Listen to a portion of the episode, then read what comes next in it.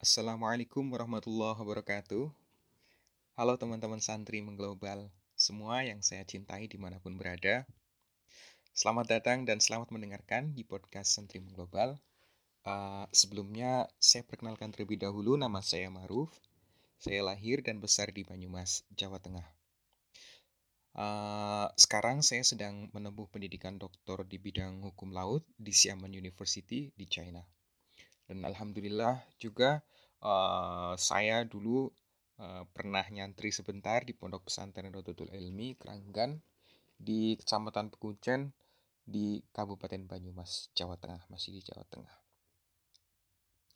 Uh, sebelumnya saya juga ingin mengucapkan terima kasih banyak kepada santri mengglobal yang telah memberikan kesempatan untuk sharing pengalaman uh, belajar selama empat tahun saya di China dan sekarang saya masih di China.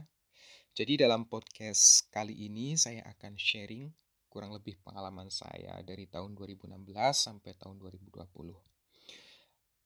Pada saat itu tahun 2016 saya belajar Master of Law di bidang hukum lingkungan dan sumber daya alam di Ocean University of China dan sekarang saya melanjutkan studi doktor saya di Xiamen University. Dan sekarang merupakan tahun kedua saya di mana bisa saya katakan bahwa tahun ini atau semester ini merupakan semester yang paling sibuk dan juga mengkhawatirkan. Kenapa demikian? Karena semester ini akan ada midterm exam, midterm ujian, ujian doktor, dan juga ujian proposal. Maka dari itu saya minta doanya kepada teman-teman uh, santri di Indonesia semoga diberikan kelancaran. Amin. Dan saya tahu betul apa yang sedang dirasakan teman-teman santri semua di Indonesia karena adanya virus COVID-19 atau virus corona ya yang sekarang sedang uh, melanda di Indonesia. Tapi pesan saya bagi santri-santri Indonesia semua jangan lengah buat belajar karena sekarang banyak sekali program-program seperti seminar, training, atau sharing beasiswa yang dilakukan secara online dan gratis. Jadi teman-teman semua masih tetap bisa produktif di COVID-19 ini. Dan tentunya tetap menjaga kesehatan. Nah, uh, mungkin teman-teman semua uh, pengen bertanya ya, kenapa kok bisa saya memutuskan untuk kuliah di China? Nah, sekarang uh, saya akan coba uh, sharing ke alasan saya kenapa bisa memutuskan kuliah di China. Jadi sebelumnya pada dasarnya mungkin melanjutkan kuliah di luar negeri merupakan keinginan bagi sebagian besar orang, uh, termasuk saya yang pada saat itu juga sangat menginginkan kuliah di luar negeri. Apalagi kuliah tersebut ditempuh dengan beasiswa, ya. Beasiswa penuh, yang mana yang mencakup biaya pendidikan, kemudian asrama, kemudian dan juga uang saku. Nah, pertanyaan sekarang, kenapa saya memilih untuk kuliah di China? Uh, baiklah, saya akan awali dengan pepatah yang bilang bahwa tak kenal maka tak sayang. Oke, jadi sama dengan alasan saya kenapa memilih ke China. Jika, tidak, jika saya tidak mengetahui tentang China, maka saya tidak akan kuliah di China. Maka dari itu mungkin jika teman-teman santri belum ingin kuliah di China, maka ya kemungkinan karena belum mengenal China. Nah, sekarang Uh, saya akan ceritakan bagaimana saya mengenal China terlebih dahulu. Uh, jadi setelah lulus S1 dari UIN Wali Songo Semarang pada saat itu, saya mendapatkan informasi adanya beasiswa kursus bahasa Mandarin dari Pusat Pengembangan Budaya Indonesia Tiongkok yang berada di Masjid Agung Jawa Tengah. Nah, akhirnya saya mencoba mendaftar dan setelah seleksi interview, akhirnya saya mendapatkan beasiswa tersebut. Dan kemudian saya belajar bahasa Mandarin selama tiga bulan. Nah, kemudian di sinilah awal mula saya berkenalan dengan China. Karena guru-guru pengajar pada saat itu memang merupakan alumnus dari universitas di Tiongkok. Makanya pada saat proses uh, kursus bahasa Mandarin tersebut, tidak jarang beliau beliau-beliau membagikan pengalaman studi di China dan memberikan arahan untuk pergi ke China untuk belajar. Nah, sejak itulah saya memilih Tiongkok sebagai salah satu negara tujuan untuk melanjutkan kuliah luar negeri. Dengan tanpa melupakan negara lain sebagai negara tujuan pada saat itu. Karena jujur saya uh, pada awalnya emang tidak uh, tidak begitu ingin untuk belajar di Tiongkok gitu. Nah, Dokumen dan semua berkas-berkas persyaratan saya persiapkan. Uh, proses pendaftaran beasiswa Tingkok biasanya dimulai pada bulan Januari sampai dengan Maret atau April. Alhamdulillah, pada bulan Juli saya mendapat, mendapatkan kabar gembira karena saya diterima di Ocean University of China. Uh, merupakan salah satu kampus terbaik di Tiongkok dalam bidang kelautan. Uh, saya pada saat itu mendapatkan beasiswa pemerintah China yaitu China Government Scholarship. Untuk beasiswa China sendiri sebenarnya mempunyai banyak sekali jalur pendaftaran. Contohnya misalkan dari kampus, uh, dari dari jalur kampus mempunyai kuota beasiswa tersendiri. Biasanya ada 30 kuota setiap kampus. Sedangkan di China bayangkan ada berapa kampus. Maka kalau setiap kampus mempunyai kuota 30, maka dikalikan berapa total kampus yang ada di China, maka kuota beasiswanya sangat banyak sekali. Kemudian ada jalur lain lagi yaitu dari kedutaan besar China di Jakarta. Dari kedutaan juga biasanya banyak sekali kuotanya, bisa 100 sampai 200. Kemudian ada juga dari ASEAN yang ofisnya dari Thailand dan selain itu juga ada beasiswa provinsi yang mana setiap provinsi di China biasanya juga memberikan beasiswa-beasiswa tersebut. Dan pada saat itu saya mendapatkan beasiswa pemerintah China melalui melalui jalur universitas. Nah, perlu saya sampaikan juga bahwa sebenarnya beasiswa China itu bisa dikatakan lebih mudah dalam proses pendaftarannya jika dibandingkan dengan beasiswa lain. Namun, uh, saya tidak akan menjelaskan tentang proses uh, tentang proses pendaftarannya karena informasi sudah tersedia banyak sekali di internet. Tinggal buka saja internet, googling bagaimana cara pendaftaran beasiswa di China, maka mudah sekali diakses. Kemudian, bagi saya belajar di Tiongkok merupakan pilihan yang tepat. Ditambah lagi dengan sabda Rasul yang hampir semua santri mengetahuinya, yaitu utlubul ilma walau bisin. Belajarlah walaupun ke uh, walau san, walaupun sampai ke negeri Tiongkok. Nah, setelah saya lulus master, akhirnya karena setelah saya kuliah 2 tahun di China, lulus, kemudian saya akhirnya memutuskan untuk langsung mendaftarkan program doktor saya di China. Karena selama 2 tahun, saya rasa belajar di Tiongkok juga bagus. Gitu. Tergantung orangnya sebenarnya. Hanya saja di tempat, kampus, dan jenis beasiswa yang berbeda.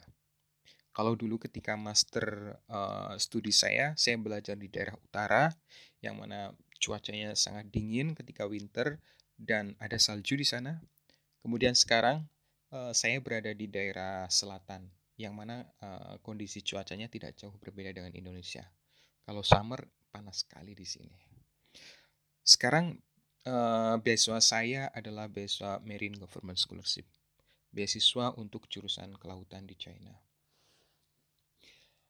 Uh, nah, mungkin teman-teman juga penasaran, apakah pernah mengalami culture shock gitu? Karena sebelumnya saya belum pernah keluar negeri, jujur saja. Pertama saya berangkat ke China, itu merupakan pertama saya keluar negeri. Jadi mungkin di awal-awal datang ke China, ada, berapa, ada beberapa bulan lah untuk penyesuaian kultur saya di China. Maksudnya tidak hanya dengan Chinese culture ya, tapi juga dengan mahasiswa internasional lainnya karena kita berada di lingkungan internasional dan juga uh, otomatis dengan Chinese culture juga.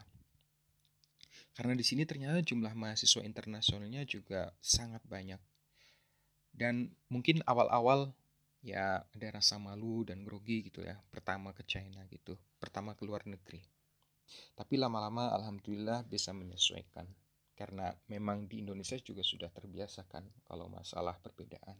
Jadi ketika keluar negeri juga sebetulnya sama, hanya saja orangnya berbeda dan culture-nya berbeda. Tapi untuk penyesuaiannya masih bisa disamakan dengan yang ada di Indonesia. Kemudian untuk makanan sendiri, saya rasa Indonesia dan China tidak jauh berbeda. Sama-sama suka nasi dan juga kemudian sayur juga. Di sini juga ada nasi goreng, kemudian bakwan, mie, bukan mie ayam tentunya, dan lain-lain. Hampir sama seperti di Indonesia. Ya mungkin rasanya beda lah. Kalau di Indonesia kan pedas gitu. Kalau di sini hambar gitu. Makanya teman-teman semuanya bisa bawa sambal sendiri kalau dari Indonesia mau ke China. Nah, kalau masalah makanan halal, teman-teman santri semuanya tidak usah khawatir. Karena hampir semua kampus di China itu menyediakan khusus kantin halal. Bahkan tidak hanya di kampus, di luar kampus juga banyak sekali restoran dan makanan halal yang tidak yang tidak sulit ditemukan, mudah ditemukan. Untuk tempat peribadahan, masjid juga ada di setiap kota. Alhamdulillah. Kemudian apa sih pengalaman yang berkesan selama di kuliah di China? Nih. Jadi ketika saya baru datang ke China, saya merasakan bahwa China itu hampir seperti negara maju. Kenapa demikian? Karena saya melihat dari fasilitasnya. Kemudian dari fasilitas umum ataupun fasilitas di kampus yang bagi saya sangat memadai. Padahal status China merupakan masih negara berkembang. Namun meskipun negara berkembang, mungkin teman-teman semua sudah mengetahui lah di internet, di televisi atau di mana lah ya. Itu China itu selalu saja dibanding-bandingkan dengan dengan negara maju. Bahkan China selalu seperti tidak akur dengan Amerika mana Amerika itu negara maju pertama ya, most developed country. Kemudian China itu masih negara berkembang. Padahal masih negara berkembang masih tapi sering banget di uh, dibanding-bandingkan dengan uh, Amerika misalkan. Nah, setelah lama tinggal di China, ternyata saya juga mengerti bahwa orang China itu benar-benar sangat bekerja keras. Tidak hanya dalam perekonomian, jual beli, kan perekonomian kan uh, sektor yang sangat dikenal di China ya, karena China terkenal ekonominya. Tapi dalam pendidikan, baik sains, teknologi, budaya, ataupun sejarah dan lain-lain, itu juga mereka sangat rajin gitu. Bahkan profesor saya, beliau dari pagi sampai malam jam 12 masih di kantornya untuk belajar. Pokoknya kerja keras sekali. Mudah-mudahan saya juga bisa belajar dari China dalam hal ini. Nah, kemudian Uh, ada nggak sih kesulitan-kesulitan belajar di China? Apa saja sih? Uh, mungkin kendala-kendala untuk uh, belajar di China. Nah, ini untuk kendalanya itu dari teman-teman nih. Saya dengar dari teman-teman saya yang kuliah menggunakan bahasa Mandarin sebagai bahasa pengantar mereka, maksudnya mengatakan bahwa uh, kuliah di China itu sangat sulit. Namun of course ya kesulitan itu juga bisa dipandang sebagai challenge atau tantangan. Jangan mudah menyerah. Nah saya sendiri dari master sampai sekarang itu menggunakan bahasa Inggris sebagai bahasa pengantar saya. Jadi mungkin saya tidak merasa kesulitan untuk memahami ataupun tidak ada kendala bahasa uh, karena menggunakan bahasa Inggris. Karena teman-teman yang menggunakan bahasa Chinese atau bahasa Mandarin itu mereka kadang masih uh, merasakan kesulitan untuk uh, untuk belajar gitu. Jadi kalau menurut saya untuk belajar untuk belajar di China mungkin saja sama dengan yang lainnya. Saya katakan sulit, tapi bukan karena kuliah di China-nya, melainkan karena apa yang sedang saya pelajari. Misalkan saja jurusan yang saya pelajari tentang hukum lingkungan atau hukum laut. Hmm, ya memang kadang saya ingin menyerah karena sulitnya kadang memang. Tapi jika saya ingin menyerah, saya selalu ingat. Ingat apa? Ingat ketika betapa saya ingin kuliah di luar negeri. Dan keinginan saya belajar tentang apa yang sedang saya pelajari saat ini. Nah, maka dari itu, ketika saya merasa menyerah, saya akan menjadi uh, uh, menjadi semangat lagi untuk belajar gitu. Nah, ada lagi nih kuncinya. Pasti teman-teman santri udah tahu semula ya Manjata wajata. Bersungguh-sungguh. Barang siapa yang bersungguh-sungguh, maka akan berhasil. Gitu ya. Nah, kemudian nih saya ada pesan-pesan teman semua, pesan-pesan buat santri-santri Indonesia uh, agar tidak agar tetap semangat untuk uh, kuliah luar negeri jika memang misalkan ingin kuliah negeri. Saya ingat dengan pesan uh, guru saya pada saat itu saat kuliah itu beliau berkata kepada saya bahwa ingatlah 3G. 3D. Apa itu? dream, do, dan doa. Dream atau mimpi sangat penting untuk bisa kuliah di luar negeri. Itu merupakan bagian sangat penting dream atau mimpi. Jika bisa diterjemahkan lebih jauh, bagi saya dream dream itu juga mungkin bisa diartikan dengan planning ya atau strategi. Jadi teman-teman santri semua harus punya rencana dan punya strategi yang tepat. Harus pintar-pintar melihat peluang dan kesempatan. Jadi teman-teman semuanya harus sering-sering lah mengikuti seminar beasiswa dan atau sering googling lah tentang gimana sih uh, scholarship di sini di China atau mungkin di Amerika atau mungkin di Belanda atau di mana pun berada Mesir lah itu atau di Arab Saudi pokoknya teman-teman semua harus googling informasinya maka dengan mempunyai informasi tersebut teman-teman bisa merencanakan bisa planning dan juga bisa mengatur strategi kemudian pesan yang kedua adalah do jadi jika sudah mempunyai mimpi, rencana, dan strategi, maka yang harus dijalankan. Strategi, strategi tersebut atau planning tersebut itu jangan cuma di angan-angan saja. Karena mungkin teman-teman santri sudah belajar tentang apa sih bedanya mimpi dan bedanya dengan angan-angan. Di kitab Ta'limu Ta'lim sudah dijelaskan antara perbedaan antara mimpi dan angan-angan. Nah, coba teman-teman santri semua dibuka lagi kitab Ta'limu Ta'limnya. Nah, yang terakhir adalah doa. Nah, setelah bermimpi, kemudian bekerja keras, maka yang terakhir adalah berdoa. Minta doa kepada orang tua dan juga guru-guru pada teman-teman semuanya. Jika tiga tersebut dilakukan, dream, kemudian do, kemudian doa, maka insya Allah teman-teman santri semua akan dimudahkan untuk untuk belajar, untuk menggapai cita-citanya untuk kuliah di luar negeri. Uh, sekian dari saya, seperti itu saja ya. Mudah-mudahan apa yang sedikit saya sampaikan ini bermanfaat dan mohon maaf jika ada kesalahan.